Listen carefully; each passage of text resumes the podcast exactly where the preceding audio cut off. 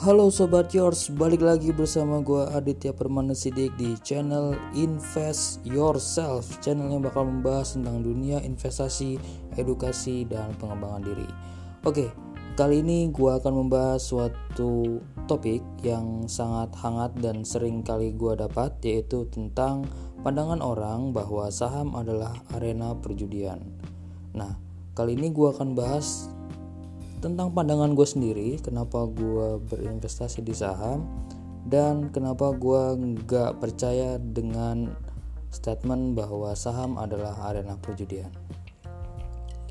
Oke, eh, sebelumnya kita bakal bahas dulu arti dari masing-masing kata yang mungkin penting ya. Ini gue ambil dari KBBI. Eh, yang pertama adalah kata judi. Oke, di sini ditulis bahwa judi adalah permainan dengan memakai uang atau barang berharga sebagai taruhan, seperti main dadu dan kartu. Oke, jadi kalau menurut gua di sini adalah suatu hal yang dijadikan permainan terus memakai uang dan barang berharga sebagai taruhan. Jadi kalau kita main dadu, mungkin contohnya main dadu dan kartu.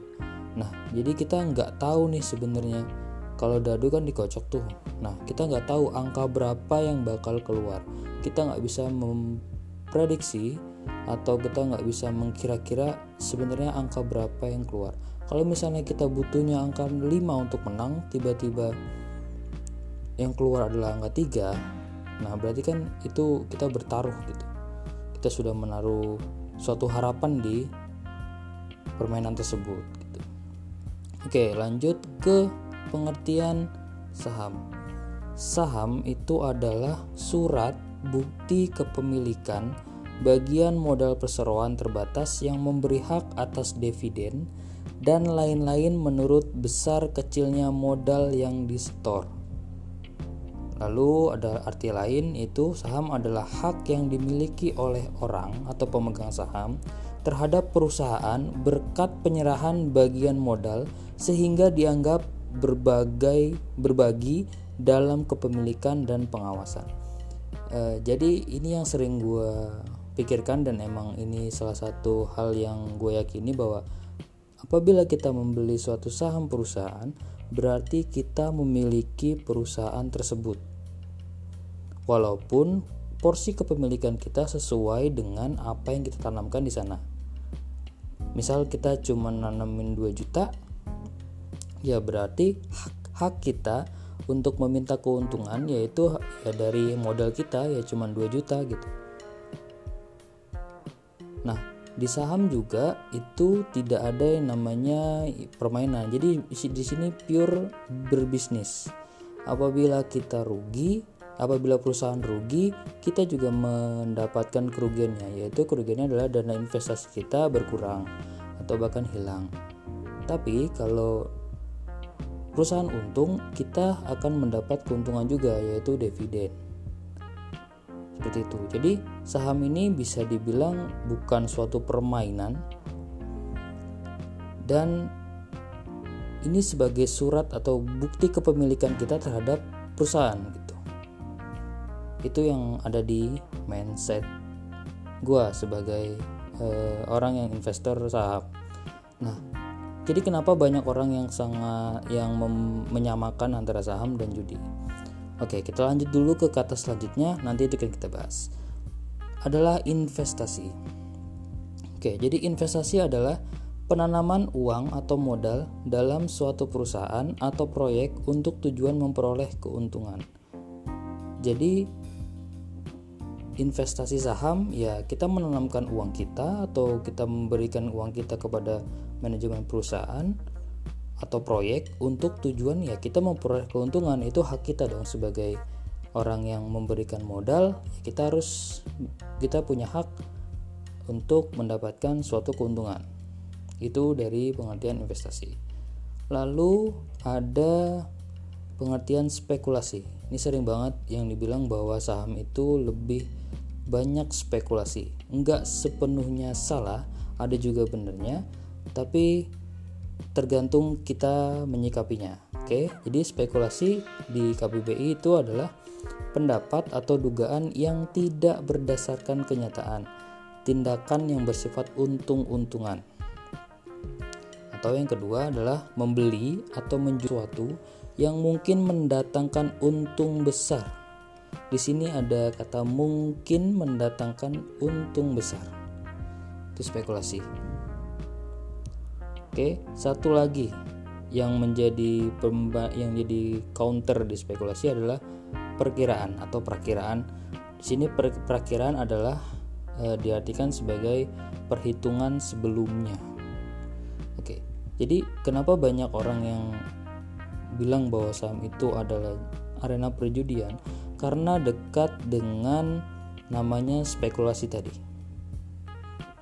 Yaitu banyak orang yang datang di eh, datang ke bursa saham atau ingin mencari uang di bursa saham itu tidak me, tidak apa ya tidak mempunyai suatu analisa. Jadi dia hanya dia hanya memikirkan bahwa oh mungkin besok ini bakal naik gitu. Tapi kalau orang yang sudah menganalisa itu jadinya perakiraan. Yaitu udah kita udah memperhitungkan sebelumnya. Harga bawahnya berapa harga tertingginya berapa lalu harga sebelum-sebelumnya berapa itu sebenarnya adalah permainan matematika. Kalau di saham. Oke jadi kenapa orang bisa mengatakan bahwa saham adalah arena perjudian? Tidak sedikit orang yang menggunakan saham sebagai arena perjudian tidak sedikit ya. Memang ada. Dah. Dan kenapa gue tetap berinvestasi di saham? Nah jadi sesuatu yang sesuatu itu tergantung kita yang menyikapi kalau menurut gue jadi misalnya kita gue sebut aja sepak bola gitu. Gue sebut sepak bola Nah, di pikiran kalian adalah sepak bola adalah olahraga sehat, lalu ya mungkin ya atletis segala macam yang baik-baik kan. Tapi kalian juga tahu kalau sepak bola bisa dijadikan ajang perjudian. Ada kan judi bola? Nah, kenapa enggak sepak bolanya yang disalahkan? Padahal sepak bola bisa dijadikan sebagai judi. Kenapa masih banyak orang yang bergantung dan mencari mata pencarian di sepak bola? Nah, dasar itu yang yang membedakan antara investor dan penjudi. Jadi kalau kita atau gua nih datang ke bursa lalu mencari untung di bursa dengan tanpa ada ilmu apa pun dan gua hanya menaruh uang kayaknya besok ini bakal naik. Ya itu pasti. Karena judi. Tapi kalau kita seperti menabung misalnya tiap bulan kita setorkan dana kita ke perusahaan kita setorkan tiap bulan kita menabung tiap bulan gue rasa itu bukan suatu hal yang judi gitu. Itu adalah suatu kita memberikan suatu modal kita dan ya kita minta modal kita diolah untuk menerima keuntungan. Berarti dalam keterangan KBBI itu namanya eh, investasi. Seperti itu. Lalu misalnya ada orang yang membeli tanah. Kita membeli tanah. Misalnya hari ini harga tanah 100 juta misalnya untuk beberapa ratus meter persegi. Lalu kita beli. Di situ kita pasti ada harapan bahwa suatu saat nanti tanah itu akan bernilai sangat besar lebih dari apa yang kita beli karena kita tahu bahwa harga tanah akan selalu naik. Apakah itu bisa dibilang suatu spekulasi? Apakah itu bisa dibilang suatu perjudian? Kalau memang itu suatu perjudian, berarti yang membeli tanah untuk dijual kembali saat harganya sudah tinggi, berarti mereka adalah oknum yang melakukan perjudian. Apakah seperti itu?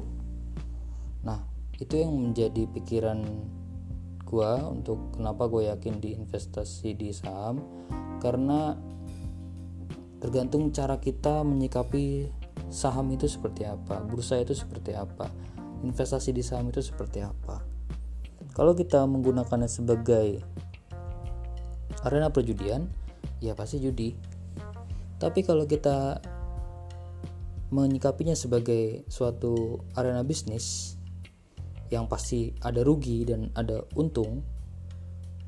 Di sini bursa saham yang gua rasa itu lebih fair. Jadi kalau kita yang memang perusahaan emang kita rugi ya kita juga mengikut ikut rugi.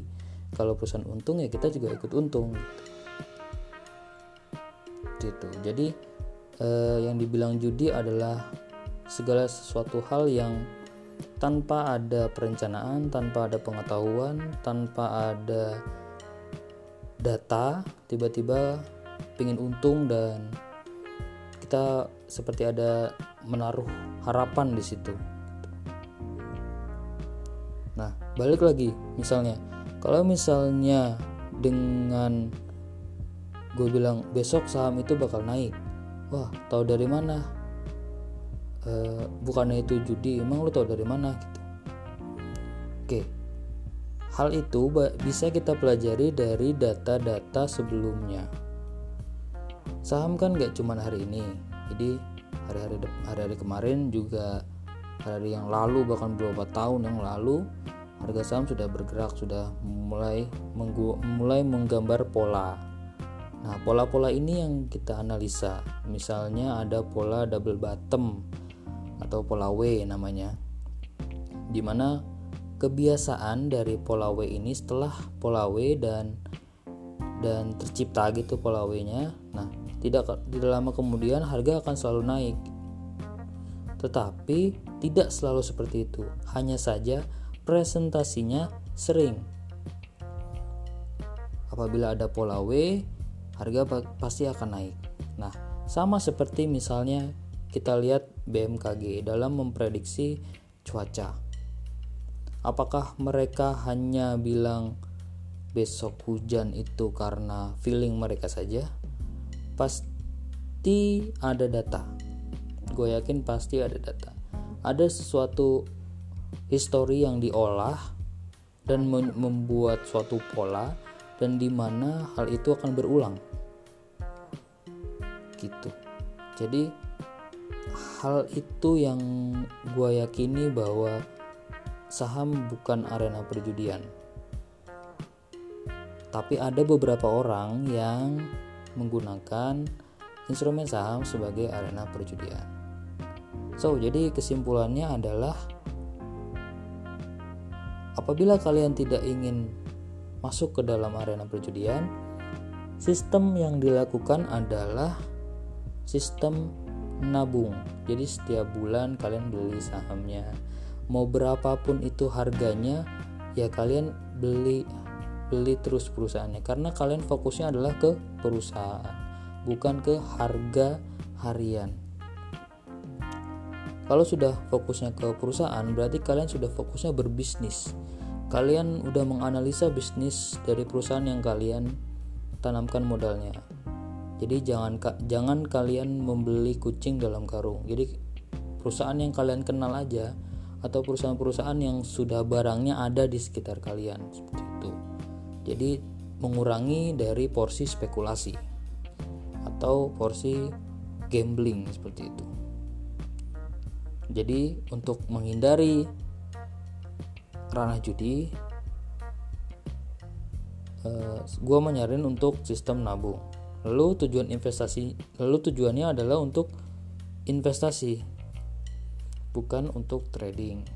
Jadi misalnya, oke, okay, saya beli perusahaan ini selama misalnya satu tahun, saya beli terus, saya beli terus, lalu sudah saya beli, ya saya tunggu hasilnya selama lima tahun. Jadi kalian tidak ada spekulasi bahwa harga kalian tidak harus selalu mengecek harga perusahaan tersebut selama perusahaan tersebut masih mencetak laba dan kalian mendapatkan keuntungan ya berarti bisnis kalian bagus gitu. Modal kalian digunakan oleh perusahaan dengan baik. Seperti itu. Oke. Itu pandangan gue terhadap saham yang disamakan dengan perjudian. Ya mungkin apabila ada suatu hal yang menurut kalian perlu didiskusikan tidak masalah. Atau kalian tidak setuju dengan pandangan gue juga tidak masalah dan di sini hanya sebagai sharing aja gimana pemikiran gue terhadap investasi di instrumen saham oke mungkin segitu saja podcast kita kali ini dan semoga apa yang gue sampaikan ada manfaatnya untuk kalian semua. Oke, Adita Permana Sidik undur diri dan see you soon.